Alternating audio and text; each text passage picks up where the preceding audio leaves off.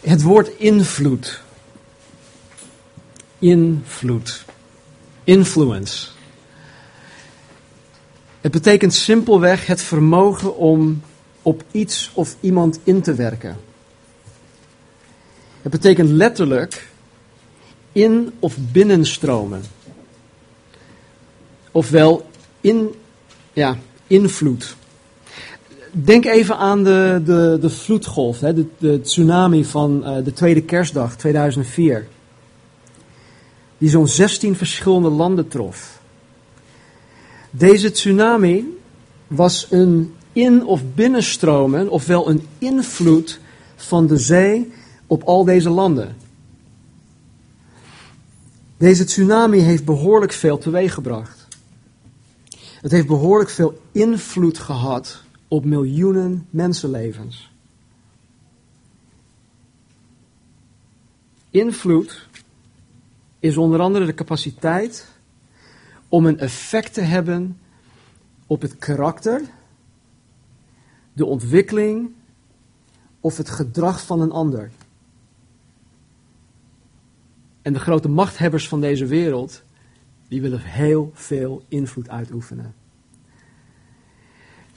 En als ik dus invloed heb over iemand, dan kan ik als persoon, in mijn geval als christelijk persoon, kan ik een effect hebben op zijn of haar karakter. Hoe dit karakter gevormd wordt. Denk aan je eigen kinderen. Denk aan je kleinkinderen. Denk aan je vrienden, familie. Als ik invloed heb over iemand, kan ik effect hebben op zijn of haar persoonlijke ontwikkeling. En ik kan zelfs invloed hebben op zijn of haar gedrag. En weet je wat? Ik kan een positief invloed hebben op andere mensen. Maar ik kan zeer zeker ook een negatief invloed hebben op andere mensen. Dus invloed is iets waar wij als christenen heel zorgvuldig mee om moeten gaan. Zowel in hoe wij invloed hebben op een ander en hoe wij onszelf door anderen laten beïnvloeden. Om even een voorbeeld te noemen. Mijn dochters die kennen dit uit hun hoofd.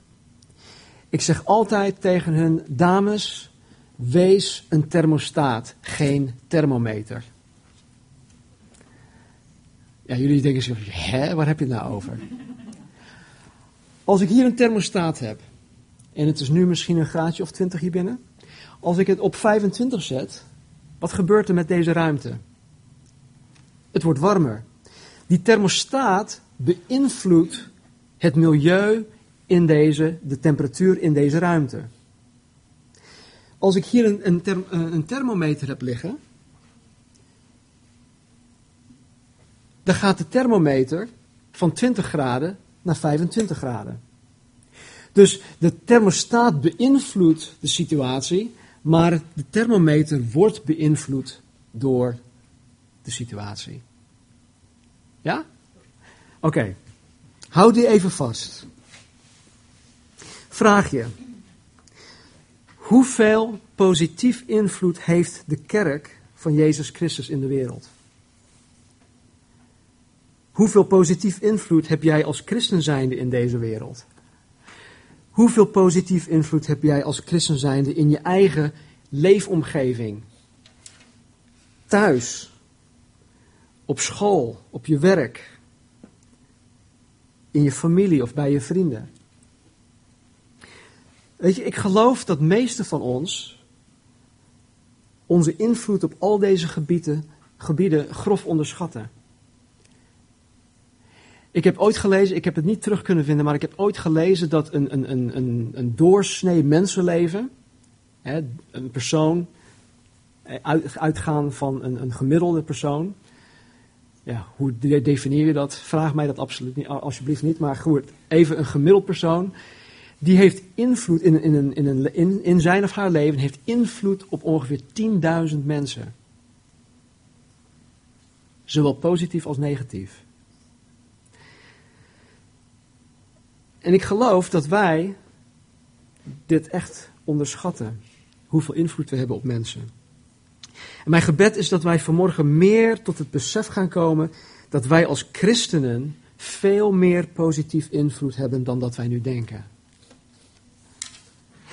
Nou, we zijn momenteel bezig met onze studie van Paulus, uh, zijn eerste brief aan de Corinthiërs. En we zitten momenteel in hoofdstuk uh, 7, 7 van de 16.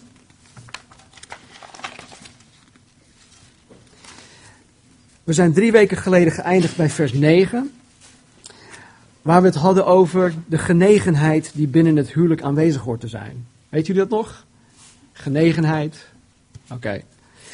Nou, zoals ik vorige keer ook zei, Paulus beantwoordt vanaf dit hoofdstuk een aantal vragen die de Corinthiërs in een brief aan hem hadden gesteld. Hoofdstuk 7, waar we nu mee bezig zijn, wat we vanmorgen ook gaan bekijken, heeft te maken met hele concrete, hele terechte vragen die de Corinthiërs gesteld hadden over het huwelijk, over echtscheiding, over hertrouwen, over het uh, vrijgezel zijn, het celibatair zijn, enzovoort, enzovoort. Ze hadden daar concrete vragen over. En Paulus beantwoordt deze vragen ook heel direct en heel duidelijk. En waar we vanmorgen de draad oppakken is bij vers 10. Dus uh, 1 Korinthe 7, vers 10. En dan lezen we door tot uh, vers 16. Ik zal het even voorlezen.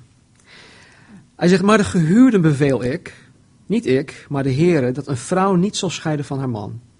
En als ze toch gaat scheiden, moet ze ongehuurd blijven of zich met haar man verzoenen. En ook een man mag zijn vrouw niet verlaten. Maar tegen de anderen zeg ik, niet de Heere, als een broeder een ongelovige vrouw heeft en zij vindt het goed bij hem te wonen, moet hij haar niet verlaten. En als een vrouw een ongelovige man heeft die het goed vindt bij haar te wonen, moet zij hem niet verlaten. Want de ongelovige man is geheiligd door zijn vrouw en de ongelovige vrouw is geheiligd door haar man. Anders waren immers uw kinderen onrein, maar nu zijn ze heilig. Maar als de ongelovige scheiden wil, laat hij scheiden. De broer of zus is in zulke gevallen niet gebonden. God heeft ons echter tot vrede geroepen. Want hoe weet uw vrouw of u, of u uw man zult behouden? Of hoe weet uw man of u uw vrouw zult behouden? Paulus schrijft dit gedeelte, of deze brief eigenlijk. Hij schrijft het aan en hij schrijft het over christenen. En hij heeft het in deze zeven versen over drie verschillende groeperingen, drie verschillende soorten mensen.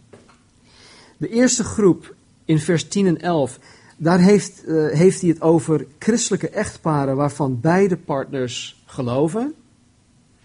In vers 12 tot met 14 heeft hij het over mensen die met een ongelovige partner getrouwd zijn, waarvan de ongelovige partner um, het geloof van zijn gelovige partner gewoon prima vindt. En hij of zij wil gewoon bij, bij, beide blijven. Prima.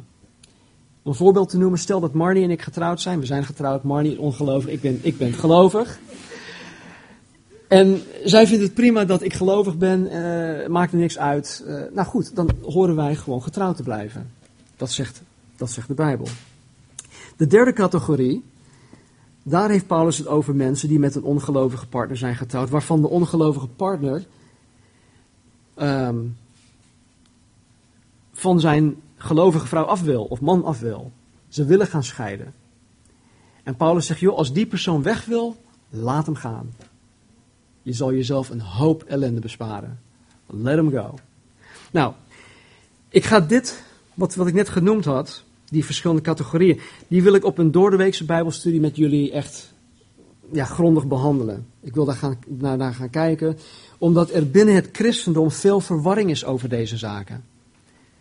Als je de doorsnee christen vraagt, uh, een vraag stelt over het huwelijk of met hertrouwen, hoe zit dat nou met echtscheiding, hoe zit het nou als je een, een gelovige partner hebt of een ongelovige, uh, dan krijg je uiteenlopende ideeën en antwoorden. Maar toch is Paulus hier heel duidelijk in. Dus ik vind het belangrijk als dat we dit uh, samen nog een keer op een donderdagavond uh, grondig gaan behandelen. Maar vanmorgen, vanmorgen wil ik inzoomen op iets dat Paulus tegen deze tweede groep mensen zegt. Het is iets wat, wat mij opviel En ik geloof dat het iets is dat een ieder van ons ontzettend zal gaan bemoedigen. Want het heeft te maken met invloed. Invloed die wij als, als, als christenen hebben in onze eigen leefomgeving. En ook, wij zijn ook allemaal ooit aan de andere kant van die invloed geweest. Dat anderen ons beïnvloed hebben om ook tot het geloof te komen. Maar goed, daar kom ik zo meteen op terug. Vers 12. Maar tegen de anderen zeg ik, niet de Heere, als een broeder een ongelovige vrouw heeft en zij vindt het goed bij hem te blijven, moet hij haar niet verlaten. En als een vrouw een ongelovige man heeft die het goed vindt bij haar te wonen, moet zij hem niet verlaten. Paulus zegt hier dat hij het zegt en niet de Heere. tegen, andere, tegen de anderen zeg ik, niet de Heere. Hij bedoelt hiermee, of hij bedoelt hiermee niet, dat hij op dit moment niet namens God spreekt. Dat dit niet door God geïnspireerd is. of dat, dat hij nu zijn eigen mening geeft. Wat hij hiermee wel bedoelt, is dat de Heer Jezus zelf niet over dit onderwerp heeft onderwezen toen Jezus hier op aarde was. Jezus heeft een aantal dingen over het huwelijk gezegd, maar niet specifiek over een gemengd huwelijk. Waarbij één gelovig is en één ongelovig. Dus daarom zegt hij, ik zeg het, de Heer zegt het niet. Als je de evangeliën doorleest, dan zal je nergens terugvinden dat Jezus de mensen leerde over huwelijken waarvan één partner gelooft en de ander niet. Nergens. En in, in 1 Korinthe 7 is dat wel het geval. Er zijn mensen die, die in die situatie zijn. En Paulus zegt dat als de ongelovige partner het prima vindt om met een christen, om met een Jesus freak hè, getrouwd te zijn, dan moet de christen niet gaan scheiden. Blijf gewoon bij die persoon. Weet je, dit lijkt voor ons misschien een, een, eh, een no-brainer. Dat we daar niet eens over na hoeven te denken. Maar voor de Corinthiërs was, was dit een, een, een reële en het was een terechte vraag. Zij zaten echt met deze vraag. Er waren toen, zoals vandaag de dag ook het geval is, mensen die tot geloof waren gekomen die al getrouwd waren. Uh, weer een voorbeeld, Marnie en ik. Marnie was als eerste tot geloof gekomen in onze relatie. Ik pas jaren later. En in die tijd waren er dus ook zulke soort situaties. En mensen waren al getrouwd, de een komt tot geloof en de andere niet, of nog niet. Nou, wat moesten de gelovigen nou doen met zo'n ongelovige heidense partner? En wat moesten ze doen met zo'n zo'n infidel? En wat moest Marnie met mij doen?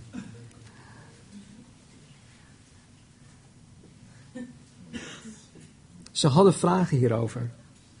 Zouden ze als gelovigen bezoedeld of ontheiligd worden doordat ze gemeenschap hebben met hun ongelovige partner? Vergeet niet hoe verdorven deze maatschappij was waarin ze leefden. En hoe verdorven zij zelf waren voordat zij tot bekering kwamen. Dus hun ongelovige partners waren vast ook verdorven of nog steeds verdorven in hun denken en in hun doen en laten. Wat moesten ze daarmee? En wat als ze samen kinderen zouden krijgen? Zouden de kinderen dan niet bezoedeld of ontheiligd zijn? In het hoofdstuk daarvoor, in hoofdstuk 6, had Paulus nog gezegd dat het lichaam en mijn lichaam een tempel is van de Heilige Geest. Dat de Heilige Geest in mijn lichaam woont.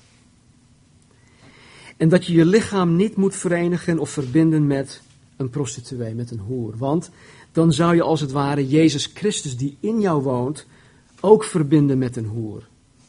En waarom zou je dat willen doen? Dus met, met die gedachten zaten ze waarschijnlijk in, in, in hun hoofd van ja, maar hoe zit dat dan met mijn ongelovige partner?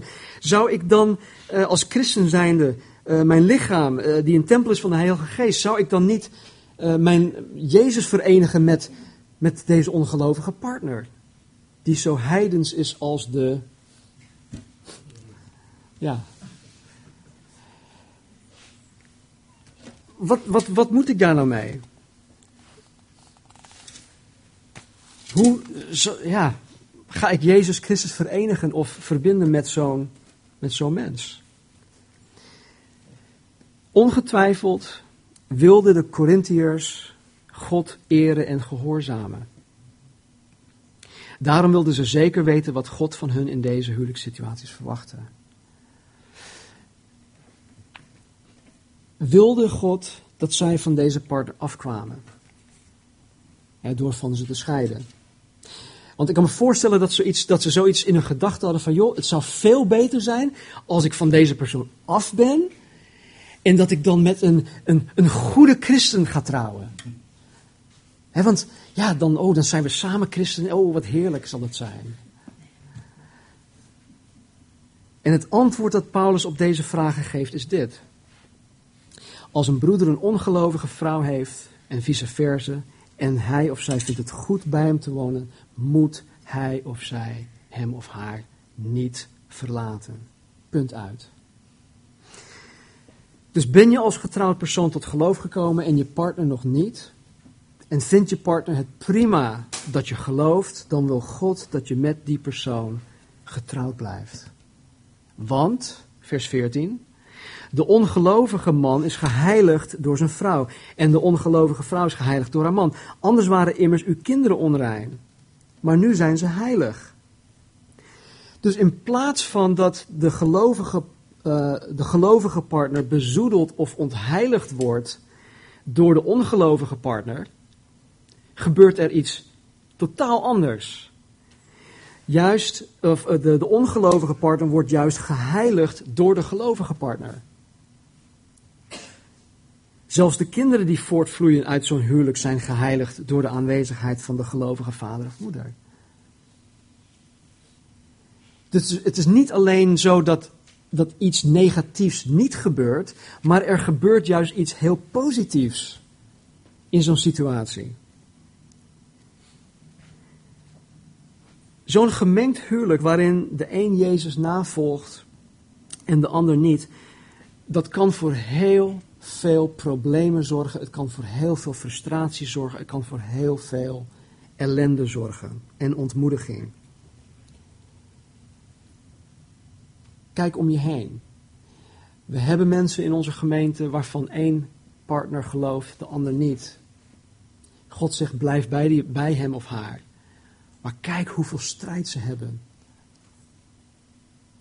Dus wat Paulus hier ons onderwijst is, is als, als je al in zo'n situatie bent, blijf in die situatie. Maar hij zegt tegelijkertijd hier ook mee, als je het nog kan voorkomen, jongelui, wees dan slim, gebruik dan je hersens en doe niet waar Paulus je nu voor waarschuwt. Het zal je een hoop ellende, zorg, ontmoediging besparen. Wise up. Er hoeft absoluut geen sprake te zijn van ontheiliging in zo'n huwelijkssituatie. Want slechts één wedergeboren christen, één geestvervulde christen, kan een heel huishouden heiligen. Eén christen. De ongelovige partner en zijn of haar kinderen zijn geheiligd door de gelovige partner. Maar wat betekent dat, geheiligd? Nou, wat het absoluut niet betekent, is dat de ongelovige partner of de kinderen, ongelovige kinderen, gered zijn. Het betekent niet dat ze gered zijn. Dat ze het eeuwig leven zullen beërven. want dat is alleen weggelegd voor degenen die persoonlijk een bewuste keuze maken om Jezus Christus na te volgen, om in hem te gaan geloven. Wat het wel betekent, is dat de ongelovige partner afgezonderd is, apart gezet is van de rest van de wereld. Het woord geheiligd betekent dat men afgezonderd is van iets tot iets. Als wedergeboren christen ben ik dus afgezonderd van de wereld tot het dienen van God. Nou, dat betekent niet dat ik een, ja, een geïsoleerd leven moet leiden, zoals een monnik in een, een of andere uh, klooster. Maar het betekent gewoon dat ik niet meega in en meedoe aan al het wereldse wat van tijdelijke aard is. Dat ik me niet bezighoud met, met dingen die, die geen eeuwigheidswaarde hebben. Ik ben afgezonderd voor een veel hoger doel. De christen is afgezonderd voor een veel hoger doel. Een eeuwig doel. Ik ben afgezonderd om een instrument te zijn om onder andere de liefde van God met mensen te gaan delen. En de ongelovige partner is afgezonderd van de wereld in de zin dat hij of zij in zijn huishouden mee mag delen in de zegen die Jezus geeft aan zijn navolger, de gelovige. In het geval waar geen van beiden geloven, genieten geen van beiden van deze zegen. Want er, er, er is geen. Uh, ze zijn niet bewust dat God er is, dat God bestaat, dat God van hen houdt, dat God een relatie met die mensen wil hebben. Dus geen van beiden kunnen genieten van, van deze zegen. Zo'n huishouden staat helemaal los van het bewust ontvangen van Gods zegen. Maar in het geval waar de een gelooft, in wie de Heilige Geest leeft, eh, wie een persoonlijke relatie met God heeft, wie de liefde van God heeft leren kennen, zal de ongelovige partner mee kunnen genieten van hoe God in en door het leven van zijn kind aan het werk gaat. Dat is wat hem afzondert van de rest van de wereld. Hij wordt apart gezet om dat mee te mogen maken. Of zij wordt apart gezet om dat mee te mogen maken. Kijk, wanneer een persoon tot geloof in Jezus komt, dan vervult God die persoon met zijn geest. De Heilige Geest, de geest van Jezus Christus, komt in die persoon wonen. Je bent geestelijk tot, tot, geboorte gekomen. Je, bent één keer vleeselijk of lichamelijk, fysiek geboren. En als je tot geloof in Jezus Christus komt, dan ben je voor een tweede keer geboren. Dan ben je wedergeboren. En dan komt de geest van God in je wonen. En wanneer de Heilige Geest in je komt, dan gaat Hij te werk in, in, in, in jou als persoon. En, je, en, en, en de Geest gaat je van binnenin veranderen. Hij gaat je van binnenin veranderen naar het evenbeeld van Jezus Christus. En omdat Jezus liefde is, zal de gelovige anderen gaan liefhebben zoals Jezus mensen lief heeft. En misschien gebeurt dat niet 1, 2, 3. Het is een heiligingsproces. God bewerkstelligt dat in de persoon door zijn geest. Omdat Jezus geduldig is, zal de gelovige geduldig worden. Of meer geduldig worden. Omdat Jezus vriendelijk is, zal de gelovige vriendelijk worden of meer vriendelijk worden. Omdat Jezus alle kennis en wijsheid uh, heeft, of omdat in hem alle kennis en wijsheid verborgen is, mag de gelovige putten uit deze bron om kennis en wijsheid te ontvangen wanneer dat nodig is. Wie heeft wijsheid nodig? Wij allemaal. Ik heb zoveel wijsheid nodig op dit moment.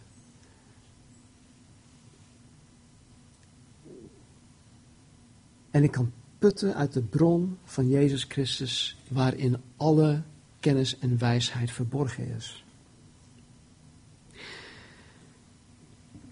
En dus alle zegen en genade die God uitstort op het leven van de christen zal overlopen, hij zal overvloeien en overlopen op zijn of haar directe omgeving. Weet jullie nog van toen, toen Jezus zei, um, wie in mij gelooft, zoals de schrift zegt. Dus niet in Jezus geloven zoals ik denk hoe ik in Jezus hoor te geloven. Maar wie in mij gelooft zoals de Bijbel het voorschrijft. Uit zijn binnenste zullen stromen levend water vloeien. Hiermee doelde hij op de geest die men zou ontvangen als men tot geloof in hem kwam. Nou, deze stromen van levend water is het overvloeisel van de rijkdommen die God door de geest aan de wedergeboren christen schenkt. God geeft ons gaven, hij geeft ons dingen. En hij geeft het niet maar in kleine beetjes, hij geeft het overvloedig. En als ik hier een, een beker water had en ik had hier een fles met, met, met, met, met water, of een, lege beker, en ik, en ik goot water erin. Op een gegeven moment raakt het, raakt het glas vol, maar als ik blijf gieten, dan, dan stroomt het over. En zo is het ook met de wedergeboren christen. Die, die, God stort zijn geest uit in ons. En wij, wij, wij lopen over van de dingen die Hij in ons plaatst. Liefde, genade, geduld. Al die dingen. En dit zijn die stromen van levend water die uit ons binnenste zullen overvloeien tot mensen om ons heen. En de ongelovige partner mag hiervan genieten. Bovendien, alhoewel het geloof van de christen alleen zichzelf kan behouden, is het wel vaak zo dat God de gelovige um, als instrument gebruikt om de ongelovigen tot geloof te brengen. Ik ben persoonlijk tot geloof gekomen omdat ik als ongelovige heiden, als infidel, een gelovige vrouw had die continu voor mij aan het bidden was. En niet alleen Marnie hoor, er waren heel veel mensen voor mij in gebed. En ik was dus afgezonderd van de rest van de wereld, want ik bevond mezelf in een bevoorrechte positie doordat mensen om me heen voor mij baden. Ze hadden input in mijn leven. Ze hadden invloed op mijn leven. En het was niet alleen dat ze voor me bad, het was ook haar liefde. Haar godvruchtig leven die mij gewonnen had. Denk even aan je eigen leven. Wie heeft God in jouw leven geplaatst om jou tot geloof in Hem te brengen?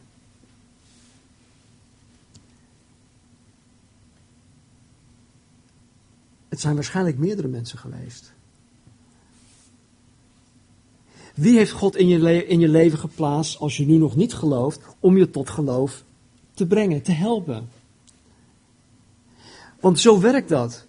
Mensen komen tot geloof door de getuigenis van anderen. Door de invloed van andere mensen die in, op ons leven. Ik werd niet op een dag wakker en zei van weet je wat ik vandaag ga doen? Ik ga vandaag in Jezus Christus geloven. Nee, het is een heel proces geweest. Een proces dat jarenlang heeft geduurd. Een proces van veel gebed, van volharding van degene om me heen die voor mij hebben gebeden. En ik weet zeker dat, uh, dat, dat dat bij jullie ook het geval is. Dat er mensen jarenlang voor jullie aan het bidden zijn geweest en nu nog steeds aan het bidden zijn. Toen ik nog een coach was binnen het jongerenwerk van de Meerkerk, mocht ik een doopvoorlichting geven aan de, aan de jongeren die daar dus meer over wilden weten. Op die avond kwam een jonge dame naar me toe, die als enige in haar familie tot geloof in Jezus was gekomen. Maar voordat ik dat wist, vroeg ik haar of zij uit een christelijk huishouden kwam. Ik kende haar helemaal niet. Ik zei, joh, komen je ouders hier ook? Kom je uit een christelijk nest? Uh, en ze zei tegen me, nee, ik ben de enige christen bij ons thuis. En dit is een heel normaal antwoord op die vraag. Want mensen denken dat wanneer je als enige een christen bent in je gezin, dat je niet in een christelijk huishouden woont. Maar weet je, in Gods ogen is een huishouden tot God geheiligd, ofwel voor God afgezonderd, wanneer er slechts één christen aanwezig is. Het zij de man, het zij de vrouw, het zij de kinderen, het, maakt niet uit wie. En ik geloof dat dit, dat dit niet alleen in je huishouden geldt, maar ook op school, ook op je werk. Ik spreek wel eens christenen die als enige op hun werkplaats christen zijn. Nou, ik ben er zelf ook een van. En sommigen vragen mij om voor hen te bidden dat God hun een andere baan zal geven waar andere christenen ook werken. Want ze voelen zich zo alleen en ze voelen zich zo benadeeld en uh, ze worden gepest en ze worden, ja, noem maar op. Zielige verhalen. Maar weet je, ik bid daar niet voor. En ik zeg het ook tegen hen. Daar ben ik, heel, daar ben ik ook keihard in. Nee, ik ga, er ik ga niet voor jou bidden daarvoor. Waarom niet? Omdat ik geloof dat wij christenen juist op die plekken horen te zijn waar Jezus Christus nog niet vertegenwoordigd wordt. Ik geloof ook dat God onze werkplekken en onze klassen op school zegent doordat wij daar aanwezig zijn.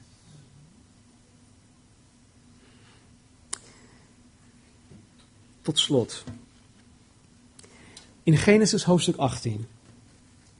Toen God op het punt stond om de stad Sodom te verwoesten wegens haar verdorvenheid, pleitte Abraham met God. En hij pleitte met God om de stad te besparen als er vijftig rechtvaardige mensen waren in die stad. En de Heer zei tot, Abraham, als ik in Sodom vijftig rechtvaardigen binnen de stad vind, dan zal ik heel de plaats ter wille van die vijftig besparen. Toen er geen vijftig rechtvaardigen gevonden werden, bracht Abraham het aantal terug tot 45, tot 40, tot 30, tot 20, tot 10. Een heel dialoog, heel gesprek met God.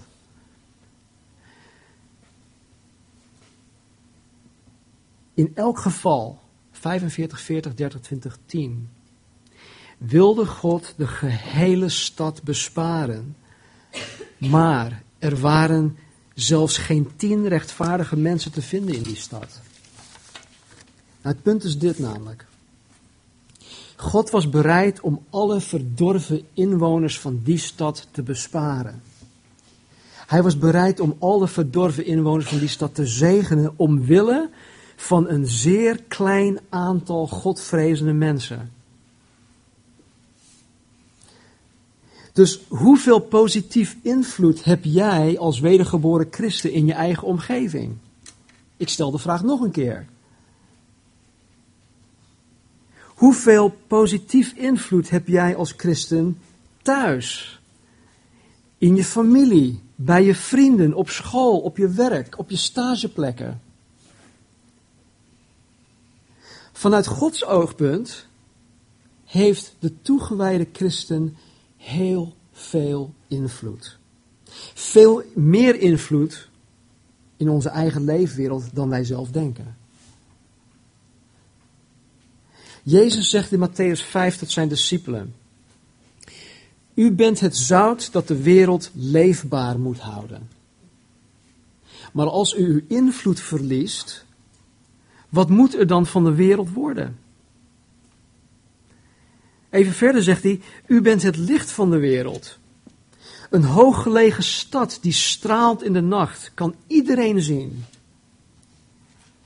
Men steekt immers geen lamp aan om er vervolgens een emmer overheen te zetten.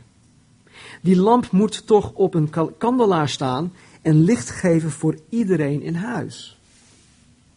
Laat daarom ook uw licht voor alle mensen schijnen. Als zij dan de goede dingen zien die u doet, zullen zij uw hemelse Vader eren.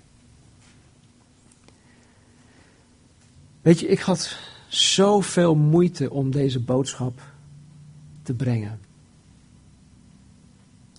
Ik had zoveel moeite met de voorbereiding. Omdat ik op dit moment, als ik naar mijn huidige situatie kijk, de omstandigheden waarin ik me nu bevind, dan lijkt het erop alsof ik 0,0 invloed heb op mijn thuissituatie.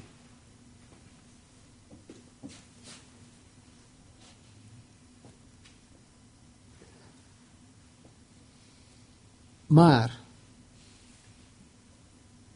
God, God liet me ook dingen, liet me dingen zien waardoor ik dacht van nee, dit is een leugen.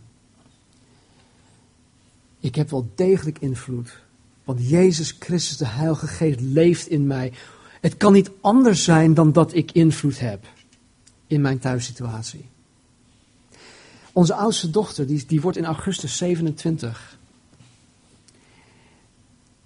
die heeft haar eerste tien levensjaren, nee, de eerste acht levensjaren, een vader gehad die niet in Jezus Christus geloofde.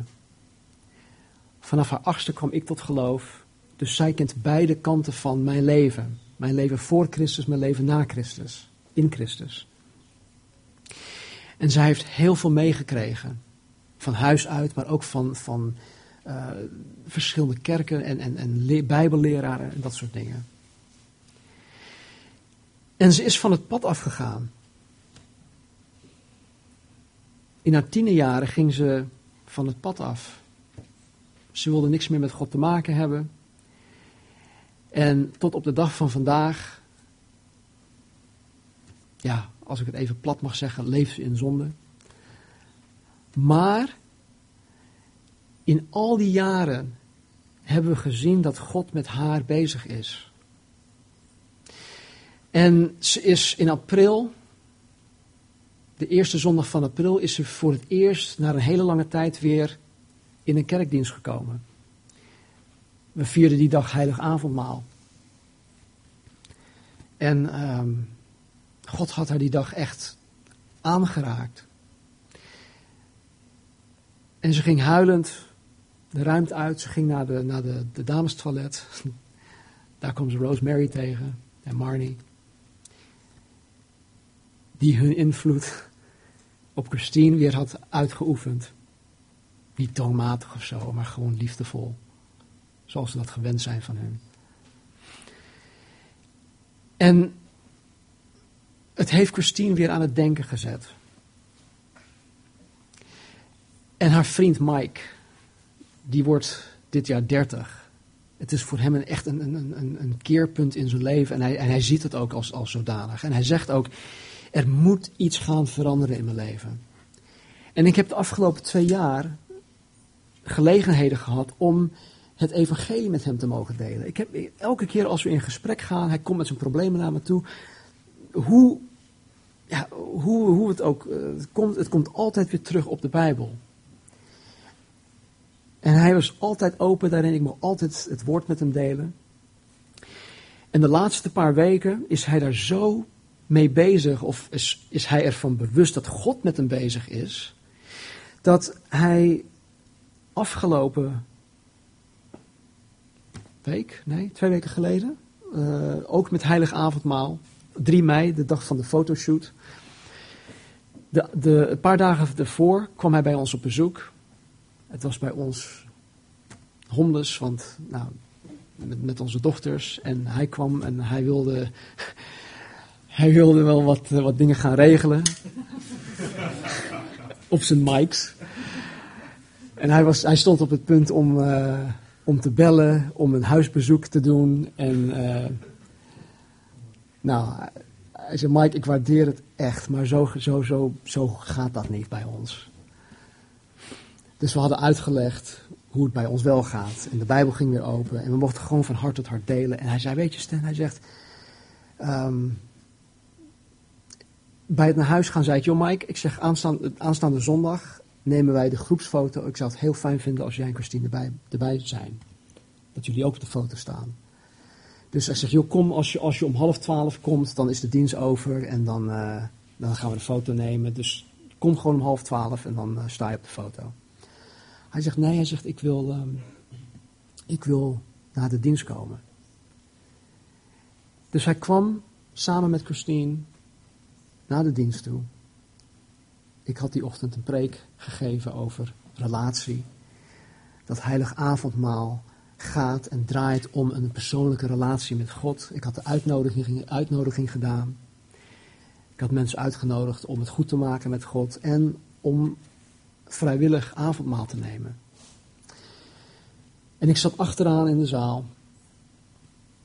En uh, ja, ik was gewoon, gebed, mijn ogen waren gesloten. Maar ik keek, op een gegeven moment keek ik op en ik zag Mike en Christine naar voren gaan om heilig avondmaal te nemen. En ze deden dat niet uit traditie, want hij had nog nooit eerder in zijn leven heilig avondmaal genuttigd. De volgende ochtend, of de volgende nacht, om twee uur of zo, twee of drie uur s'nachts, werden ze door de shuttle opgehaald en ze gingen naar, omdat ze naar Corfu zijn gegaan. Ze zijn gisteren teruggekomen. Maar toen ze daar eenmaal was aangekomen, belde Christine mij. zei, pa, ja, eigenlijk hoort Mike hetzelfde vertellen, maar ja, ik, ik, ik, moet het kwijt. Dus ik weet niet of ja, dit wordt opgenomen. Ja, ik zal het wel uh, deleten. maar ze zei, pa, Mike en ik hebben gisteren de dienst gisteren zo ontzettend gaaf gevonden. Er is iets in ons gebeurd. Er is iets in Mike gebeurd. Hij zei dat uh, toen je pa vroeg uh, om, om, om met God te praten en, en om, om dingen goed te maken met God en, en gewoon God te vragen om zich kenbaar te maken. Toen zei Mike, ja, dat heb ik gedaan. En ik voelde zo'n last van me afkomen en ik voelde zo'n rust over me heen komen en warmte. En hij zegt, ik heb dit nog nooit eerder in mijn leven ervaren. En, en dat is wat mij momenteel door een zeer moeilijke tijd in mijn leven erheen, er doorheen sleept. Het zijn hele mooie dingen. En wat ik hiermee wil zeggen is dat ondanks het erop lijkt dat ik als christen zijnde geen invloed heb op mijn huishouden, is Christine na tien jaar of zo, of twaalf jaar, het bewijs dat ik wel degelijk invloed heb gehad op haar leven. En dat God het gebruikt en nu nog steeds gebruikt om haar tot zich te trekken. En zo hebben wij allemaal mensen in ons leven die ons de liefde, die ons de genade, die ons de waarheid, het woord van God heeft gegeven, gebracht heeft. Die ons aan het denken doet zetten. Om ooit, wanneer we ervoor klaar zijn, in ons leven tot inkeer te komen en ons hart over te geven aan de Heer. En Mike, die zien we vanavond, daar hebben we vanavond, uh, we, gaan aan, uh, we gaan samen eten bij ons thuis. Hij staat te popelen om met, mij, om met ons te praten. En ik weet precies waar het over gaat. En ik weet zeker dat er vanavond tranen gaan vloeien. Maar niet van, van ellende of van, van, van verdriet. Dus hoeveel invloed heb je als wedergeboren christen in je eigen omgeving, thuis, in je familie, bij vrienden, op school, op je werk? Ik denk veel meer dan dat wij zelf denken. Laten we bidden. Vader, ik dank u, Heren, dat ik, Heren, dat wij tot geloof zijn gekomen. Door de invloed van degene die uw liefde, die uw genade, die uw waarheid met ons gedeeld heeft. En vader, niet alleen in, in woord, want vader, vaak zijn woorden alleen ja, zo leeg. Maar heren, dat die mensen in ons leven invloed hebben gehad, heren, door, door hun daden, door hun levenswijze. Door hun overtuiging. Door de zekerheid die zij hebben. En vader, ik dank u dat u mij, heren, zo ver heeft gekregen, zo ver heeft gebracht door de invloed van anderen op mijn leven. Vader, ik dank u dat wij dit ook voor anderen mogen zijn. Want Heer, om redenen die ik absoluut niet begrijp, heeft u ervoor gekozen om gebroken mensen te gebruiken om uw boodschap van liefde aan deze wereld bekend te maken. Om het met mensen te delen. Om mensen te laten te horen en, en te zien Heren, dat er een God is die van hun houdt, onvoorwaardelijk. Dat er vergeving mogelijk is. En niet alleen vergeving, maar ook het, dat het schuldgevoel volkomen weggenomen kan worden. Dank u Heer dat wij, dat wij dit voor, voor anderen mogen zijn. Vader, voor de huishoudens met ongelovige partners of kinderen, heren, ik bid voor degenen die geloven, heren, dat u hun kracht zal geven. Dat u hun zal doen volharden, Heer, in, in het navolgen van U, in het, in het uitdragen van Uw liefde en Uw, uw waarheid. Hoe moeilijk, Heer, het ook is. Heer, help hun om het niet op te geven. Help hun, Heer, om ja, de moed erin te houden, Vader. Geef hun kracht, geef hun vreugde.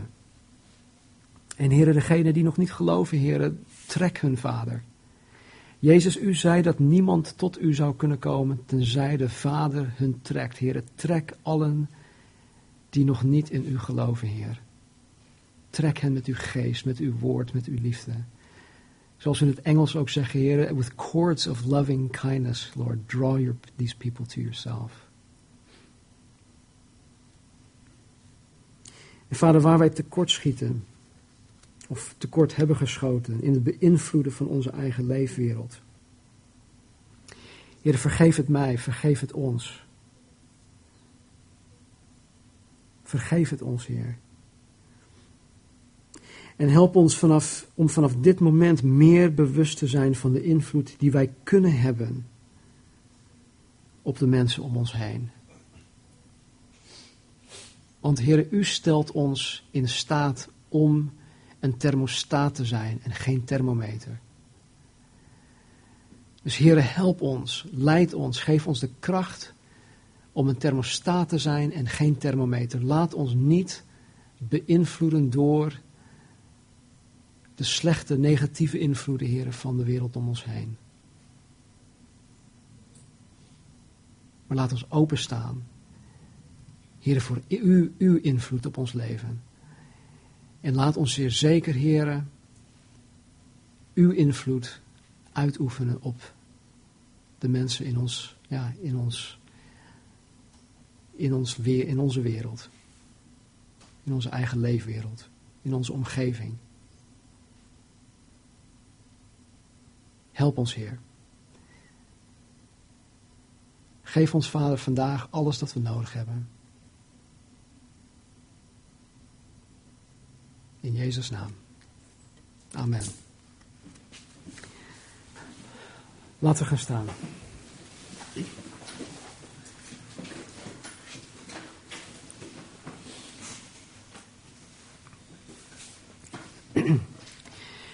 Ik ga er elke zondag weer van uit dat de Heilige Geest in ons midden is, die het woord van God in ons hart plant. Hij is aan het zaaien. En sommige dingen die de Heilige Geest tot ons hart brengt, in ons hart legt, die kunnen we meteen toepassen. Die zijn op dit moment heel actueel en die kunnen we echt op, exact op dit moment toepassen. Maar er is ook heel veel bij wat als zaad in ons hart gezaaid gaat worden, of wordt, door de Heilige Geest. Elke zondag weer. Waar we misschien niet eens over nadenken van, hé hey joh, dat is voor mij of niet. Misschien is het echt langs ons heen gegaan. Maar ondanks dat het langs ons verstand heen is gegaan, heeft de Heilige Geest het wel in ons hart geplant. En ik weet of je ooit iets hebt gedaan met zaaien. Maar als je een zaadje in de grond plant, dan duurt het even. Toch? Ik heb nooit iets meegemaakt dat het, je, je, je, je zaait het en boem, je hebt meteen een boom en appels en nee. Het zou mooi zijn, maar zo werkt het niet. Dus wat er vanmorgen weer gezaaid is,